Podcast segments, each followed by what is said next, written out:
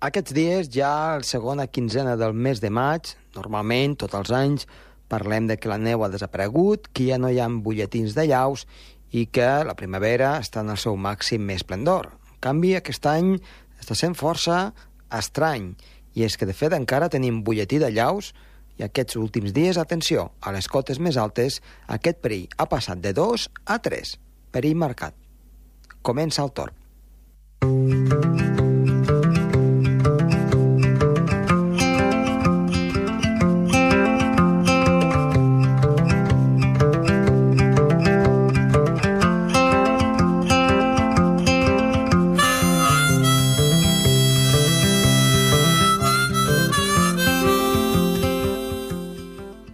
sí, amb un butlletí de llaus força elevat i això fa doncs, que tinguem màxima precaució a l'alta muntanya. Avui parlarem també doncs, d'aquesta doncs, situació que està vivint a l'alta muntanya, parlarem de les precipitacions que es donen a l'interior de les ciutats degut a l'illa de calor.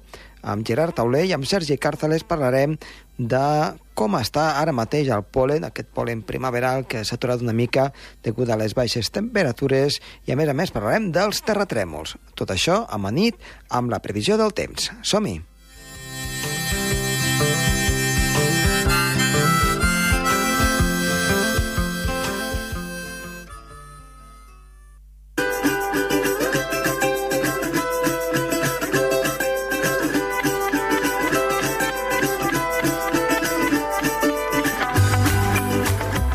Iniciem el programa parlant amb Gerard Tauler. Gerard, molt bona tarda. Hola, molt bona tarda, Josep Tomàs. Bé, avui ja ens parlaràs de les pluges urbanes. Quines sí. característiques hi ha respecte a una altra pluja? Perquè, en principi, tota la pluja sembla que hagi de ser igual, no? Sí, però a la ciutat la pluja augmenta respecte als al voltant, sobretot en el cas de les tempestes estiuenques, uh -huh. de, del migdia i de la, de la nit, migdia, tarda i nit com a aquesta hora hi ha més illa de calor, sí?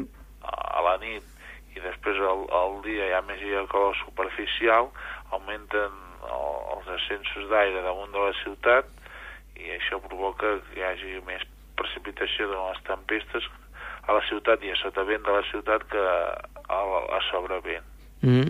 I... I, a les, I a les zones rurals de, de, del voltant a la, a la regió on es troba la ciutat. Uh -huh. I això és degut a que, diguem-ne, és com una... Un, és per l'illa de calor i, sí? i, i també per la contaminació atmosfèrica. Hi ha més contaminació, hi ha més nuclis de condensació damunt de la de, que són higroscòpics, sí? nuclis de condensació que doncs, damunt de la, la contaminació damunt de la qual se, se, se, se, se posa el vapor d'aigua i això provoca que hi hagi més precipitació a la ciutat que, que al camp, sobretot a l'estiu. Uh -huh. sí. Um, aquesta situació, evidentment, a l'hivern no es dona perquè eh, la, la cosa canvia, no? I no, tampoc hi ha tempestes. Però els, els sistemes frontals poden, eh, que poden creuar una ciutat com ara Barcelona, poden haver-hi poden haver alguna incidència amb aquesta illa de calor o només és amb les tempestes d'estiu?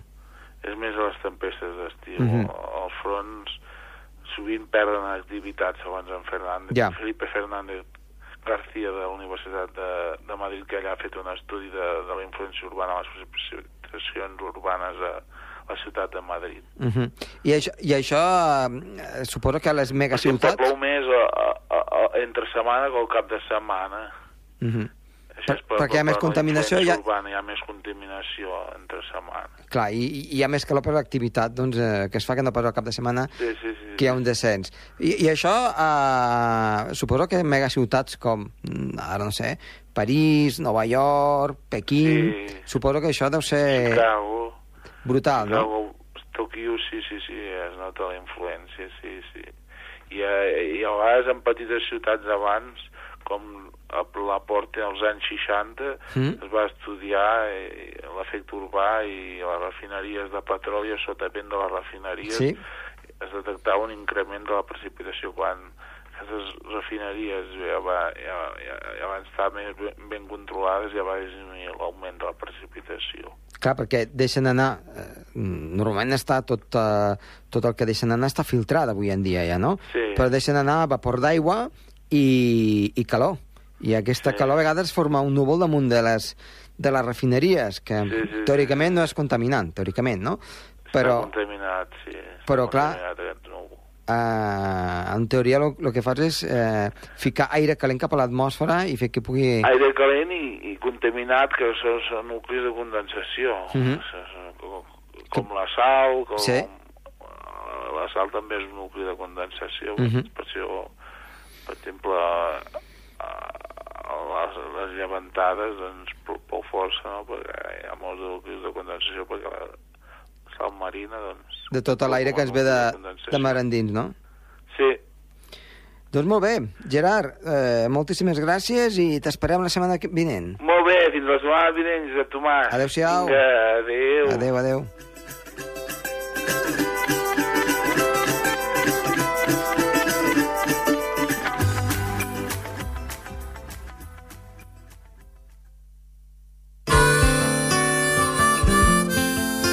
El Torb, amb Josep Tomàs.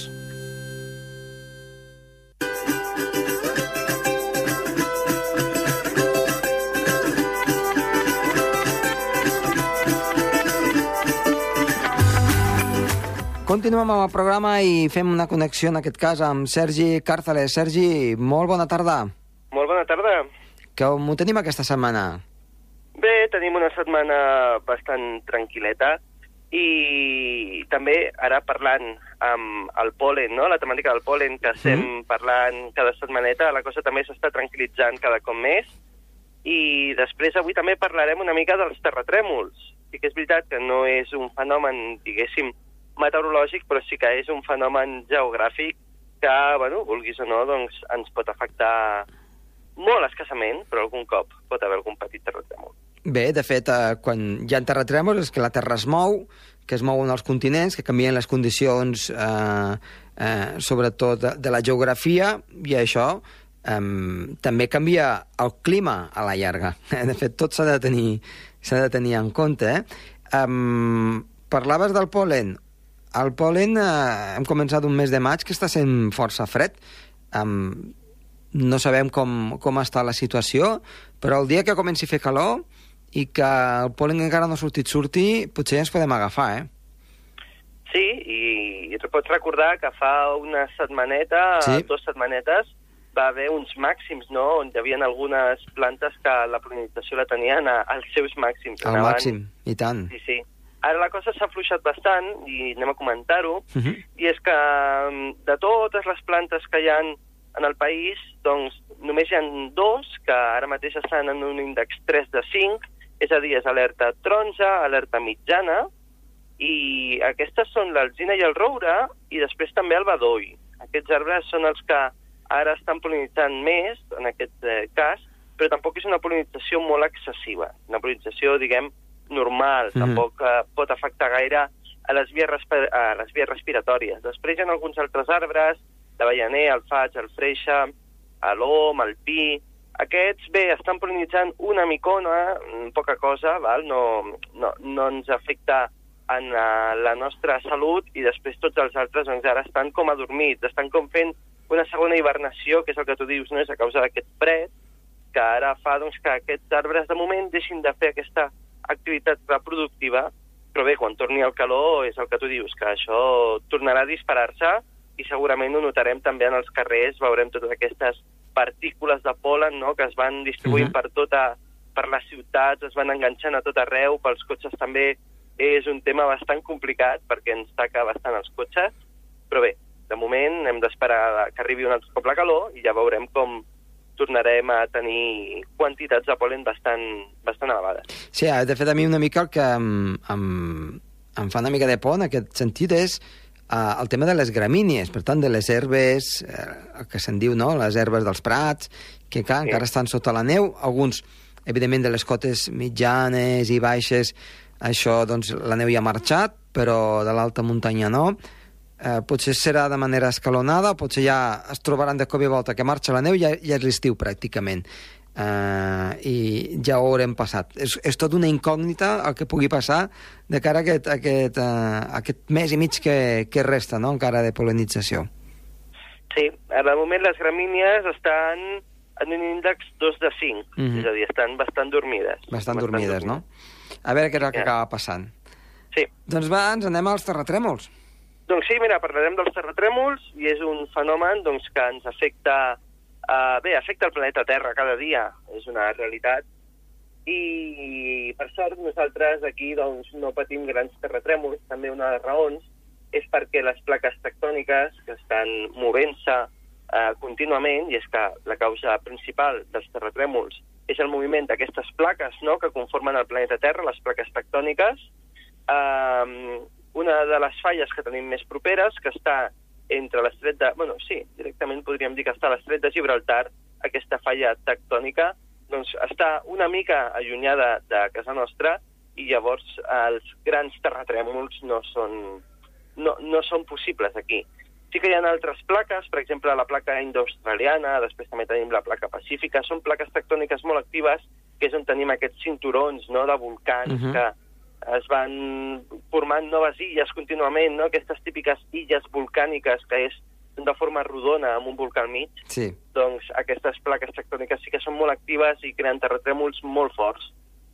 I comentar, què podem comentar de... relacionat amb els terratrèmols? Les plaques, com diem, són les que han conformat el planeta Terra i podem recordar eh, velles nocions de història geològica, el Pangea, no? Que era, va ser una època en el planeta Terra on tots els continents estaven junts. Després aquestes plaques tectòniques es van seguir movent i llavors els continents es van anar separant. És més, si nosaltres volguéssim ajuntar eh, Sud-amèrica amb Àfrica, veuríem com concorden. És quasi, quasi com una... Com dir-ho? Com una... Com una... Eh, diguem, Com un, una trenca, placa... un, un trencaclosques, no? Sí, un trencaclosques, això mateix. Uh -huh. Un Mhm. trencaclosques que veus com encaixen exactament, i no és casualitat, és que abans estaven juntes, Sí. però va haver una falla tectònica, una placa tectònica justament al seu mig, que el que va fer va ser separar-les, i cada cop estan més separades. Uh -huh. En el cas d'Àfrica i, per exemple, Espanya, l'estret de Gibraltar, mica en mica, cada cop es va fent més petit. I és que aquestes dues plaques tectòniques es van ajuntant. I per això, algun cop, doncs, es sent algun eh, exemple o alguna notícia de que ha hagut algun terratrèmol. Aquí no acostumen a ser gaire intensos, per sort, però bé, que sí que a vegades doncs, causen petits sotracs de terra. Anem a explicar això del terratrèmol. És aquest sotrac, no? aquest tremolor del terra, que, bé, va variant en magnituds, ja, ja ho sabem. Les més fortes estan per la Índia, estan per al Pacífic, estan pel cinturó dels, dels volcans del Pacífic, i aquesta, aquests terratrèmols són a causa d'energia acumulada sota terra, que és, hem de parlar com si fossin dos petites plaques que es van mica en mica ajuntant, ajuntant, ajuntant, però al ser una superfície molt dura, el que no poden fer és anar-se doblegant.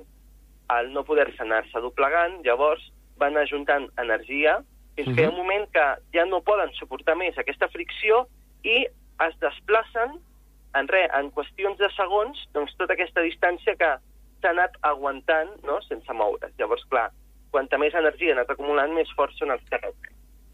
Sí, sí. Uh, anem a parlar, si vols, una mica de l'escala de Richter, que és l'escala que es fa servir, i una mica, si vols, també, doncs, quins són els, eh, diguem, efectes de cada un d'aquests eh, nivells. I ja, I ja ho deixarem.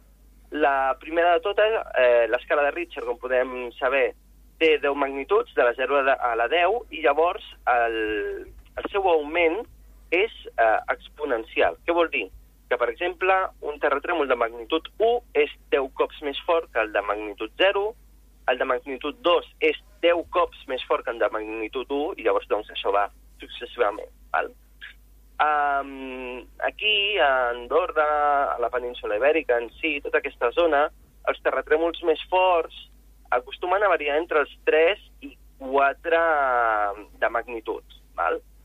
Estem parlant d'uns moviments doncs, que les grans edificacions, les més antigues, doncs, poden veure's afectades. Uh, les noves uh, edificacions, en principi, no, no han de tenir gaires problemes. Però encara que aquí ens sembli un terratrèmol bastant estrany i que passi cada molt, és veritat que, per exemple, la, un terratrèmol de magnitud 3 passa uns 130 terratrèmols per dia d'aquesta magnitud. Déu-n'hi-do. Que el planeta Terra és molt gran i, com podem saber, hi ha zones molt actives. Uh, després, per exemple, altres, per exemple, magnitud 5, que ja són més intenses, passen 2-3 per dia. Uh -huh. És a dir, el planeta Terra està en constant, en constant moviment i això ens ho fa saber el, aquests terratrèmols. I després hi ha altres terratrèmols molt més intensos, que són les grans catàstrofes, no?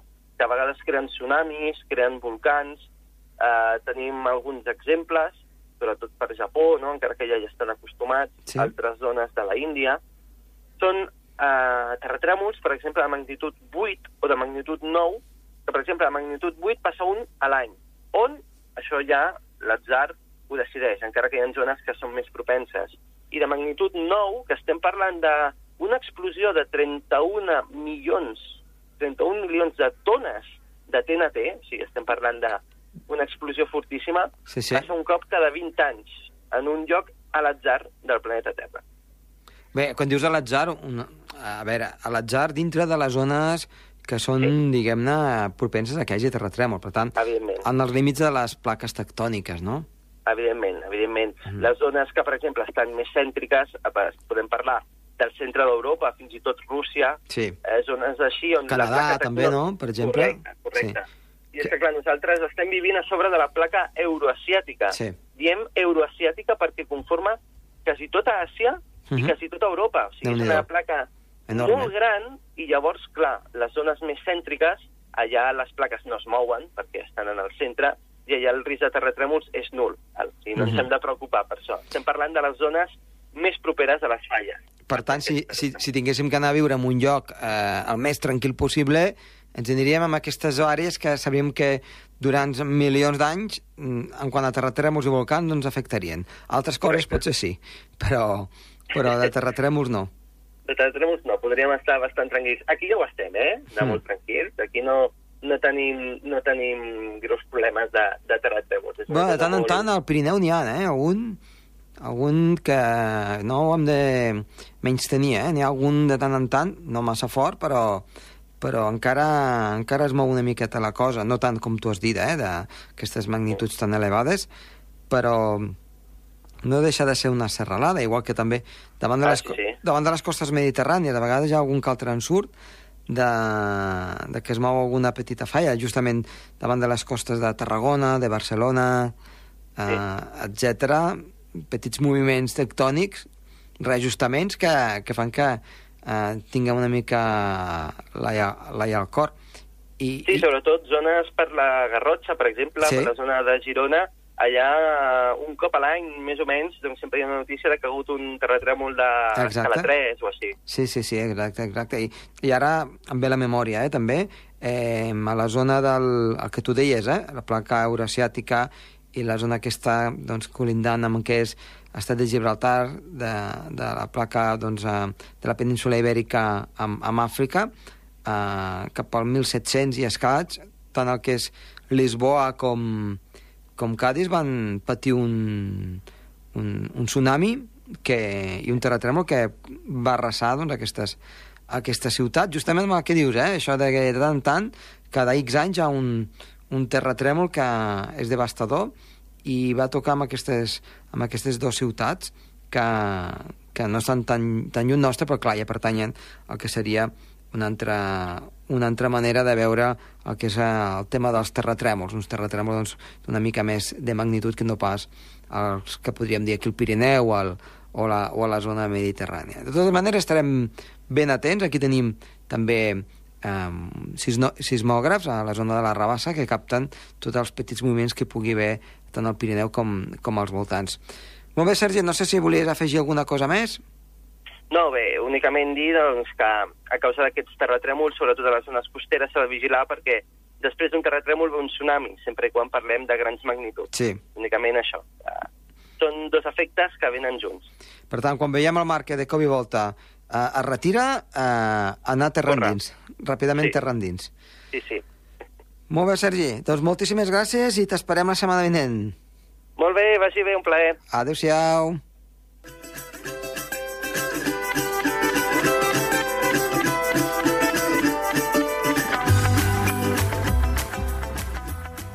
El Torb, amb Josep Tomàs.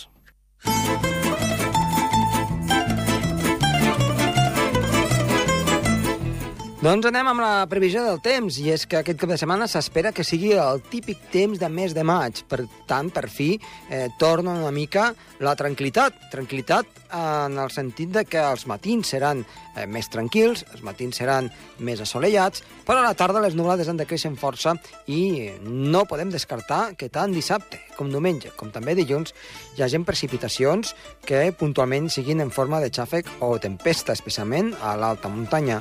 Una situació molt típica, com diem, del mes de maig, amb unes temperatures que no han de pujar, que s'han de mantenir estables. Això vol dir màximes al, al fons de les valls entre els 20 i 22 graus, a més estirar, i a l'alta muntanya, a 2.000 metres, les màximes podien arribar cap als 9 o 10 graus com a molt. Atenció, perill de llaus, 2, més o menys eh, anant cap a 3, i és que amb la pujada de les temperatures, o més no, amb aquestes temperatures més suaus, i amb la gran quantitat de neu que hi ha a l'alta muntanya, per damunt dels 2.200-2.300 metres, aquest perill de llaus eh, pot augmentar, com diem, de 2 a 3. Per tant, encara que estem doncs, amb aquestes alçades del mes de maig, hem de tenir la màxima precaució possible. Per tant, entrem en una, en una dinàmica sense grans pertorbacions, però sí que a la tarda hi pot haver-hi precipitacions i puntualment alguna d'elles moderada.